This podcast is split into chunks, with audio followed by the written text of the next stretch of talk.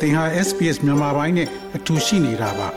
sps.com.au/burmese မှာပုံမထူးခဲ့တဲ့သတင်းစာမားတွေကိုရှားဖွေပါ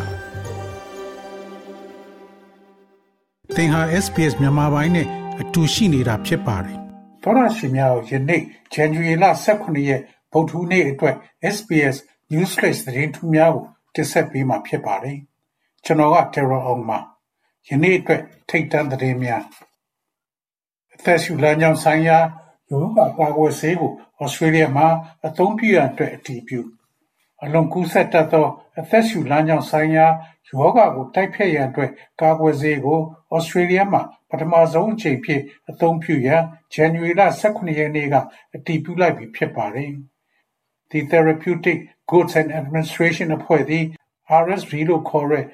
Respiratory Syncytial Virus ကိုတိုက်ဖျက်ရန်အတွက် Australian အသက် 60 နဲ့အထက်များအတွက် အသက်ရှူလမ်းကြောင်းဆိုင်ရာ Syncytial Virus ကာကွယ်ဆေးကို အတည်ပြုခဲ့ပါတယ်။ Respiratory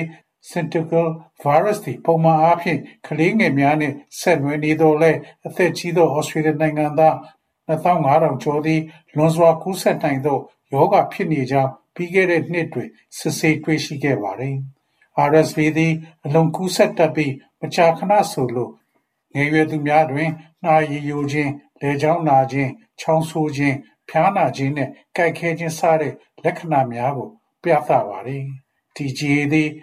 ဇန်နဝါရီလ၈ရက်နေ့တွင်ဒီဆေးအားဩစတြေးလျတွင် ပထမဆုံး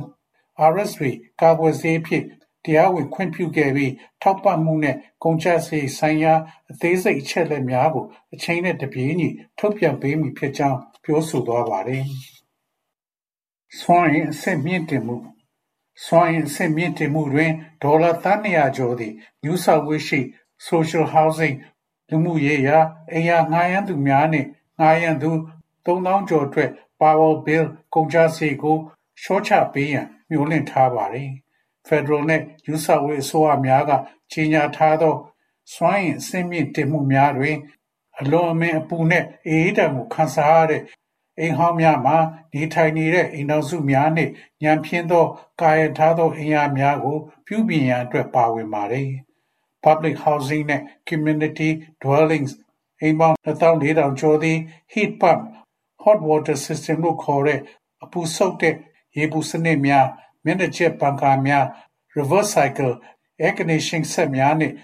Solar Energy သုံးတဲ့စနစ်များမှာအကျုံးဝင်မှာဖြစ်ပါသည်။ အိမ်ထောင်စုတစ်သောင်းကျော်သည်၎င်းတို့ရဲ့နေအိမ်များတွင်နွေရာသီတွင်အေးမြစေပြီးဆောင်းရာသီတွင်ပိုမိုပူနွေးစေရန် Solar Bank အစီအစဉ်ဖြင့်တစ်နှစ်လျှင်ဒေါ်လာ600အထိသက်သာမှာဖြစ်ပါတယ်။ဉာဏ်ရည်တုအသုံးပြုခြင်းဆိုင်ရာဥပဒေများစက်မှုနှင့်သိပ္ပံဝန်ကြီး Ed Husic က Federal အစိုးရသည်နည်းပညာများလျင်မြန်စွာဖွံ့ဖြိုးတိုးတက်လာသည်နှင့်အမျှပိုမိုအားကောင်းသောအကာအကွယ်များရရှိစေရန်အတွက် ဉာဏ်ရည်တုအသုံးပြုခြင်းဆိုင်ရာဥပဒေများကိုထည့်သွင်းစဉ်းစားနေတယ်လို့ပြောဆိုပါတယ်။ AI ကိုတာဝန်သိစွာအသုံးပြုခြင်းနှင့်ပတ်သက်၍လုပ်ငန်းဆိုင်ရာညှိနှိုင်းဆွေးနွေးမှုအပေါ်အစိုးရရဲ့ကြားဖြတ်တုံ့ပြန်ချက်ထုတ်ပြန်ပြီးနောက်ထွက်ပေါ်လာခြင်းဖြစ်ပါတယ်။ဉာဏ်ရည်တုအသုံးပြုခြင်းဆိုင်ရာစည်းမျဉ်းများသည်အန္တရာယ်များသောစက်မှုလုပ်ငန်းများတွင်၎င်းရဲ့အသုံးပြုမှုအတွက်မဖြစ်မနေကာကွယ်ပေးမှာဖြစ်ပါတယ်။ ထည့်သွင်းစဉ်းစားထားသော အစီအမံများထဲတွင် ရေနှင့်လျှပ်စစ်၊ကျန်းမာရေးနှင့်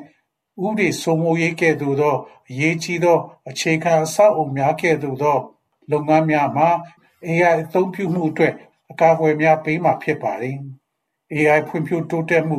အရှိန်အဟုန်ဖြင့် အမီလိုက်နိုင်တဲ့ သင့်လျော်သော ကြီးကြပ်မှုနှင့် တာဝန်ခံမှု အစီအမံများရှိရန် အရေးကြီးတယ်လို့ ဝန်ကြီး Husic ကပြောဆိုသွားပါတယ်။ ချမ်းသာကြွယ်ဝမှုစံချိန်တွင်ချိုးနေတဲ့ဘီလီယံနာများဩစတြေးလျများသည်လူနေမှုစရိတ်အကျပ်တဲနှင့်ရင်ဆိုင်နေရချိန်မှာပဲဘီလီယံနာများသည်ကြွယ်ဝမှုမှတ်တမ်းများကိုချိုးဖျက်ကျော်လွှားလျက်ရှိပါတယ်။ဩစတြေးလျရဲ့ဘီလီယံနာများသည်ချမ်းသာမှုစံချိန်များကိုချိုးဖျက်လိုက်ကြပါတယ်။ Oxfam ရဲ့အစီရင်ခံစာအသစ် Inequality Inc. ကဩစတြေးလျရဲ့ဘီလီယံနာ48ဦးရဲ့ဝင်ငွေသည်ပြီးခဲ့သောနှစ်နှစ်အတွင်းဒေါ်လာ250ဘီလီယံကျော်အထိနှစ်ဆတိုးလာခဲ့ကြောင်းဖော်ပြထားပါတယ်။၎င်းသည် Australian 9.8သန်းလူများထက်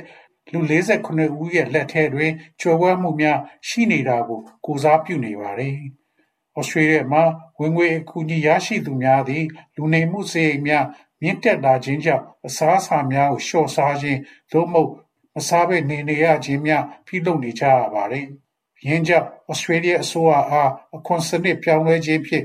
မတရားချမ်းသာသူများနှင့်တခြားလူအဖွဲ့အစည်းကြားကွာဟချက်ကိုသိသိသာသာလျှော့ချရန်တောင်းဆိုမှုများရှိနေပါတယ်။နေ့စဉ်သတင်းတို့ Newsflash များပုံမူကြားသိရန် SBS Language Podcast ကိုတွားရောက်နားဆင်ကြည့်ပါ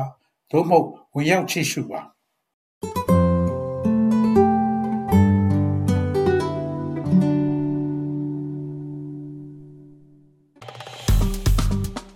SBS မြန်မာပိုင်းကို Facebook ပေါ်မှာ like ရှာပြီး like မျှဝေမှတ်ချက်ပေးပါ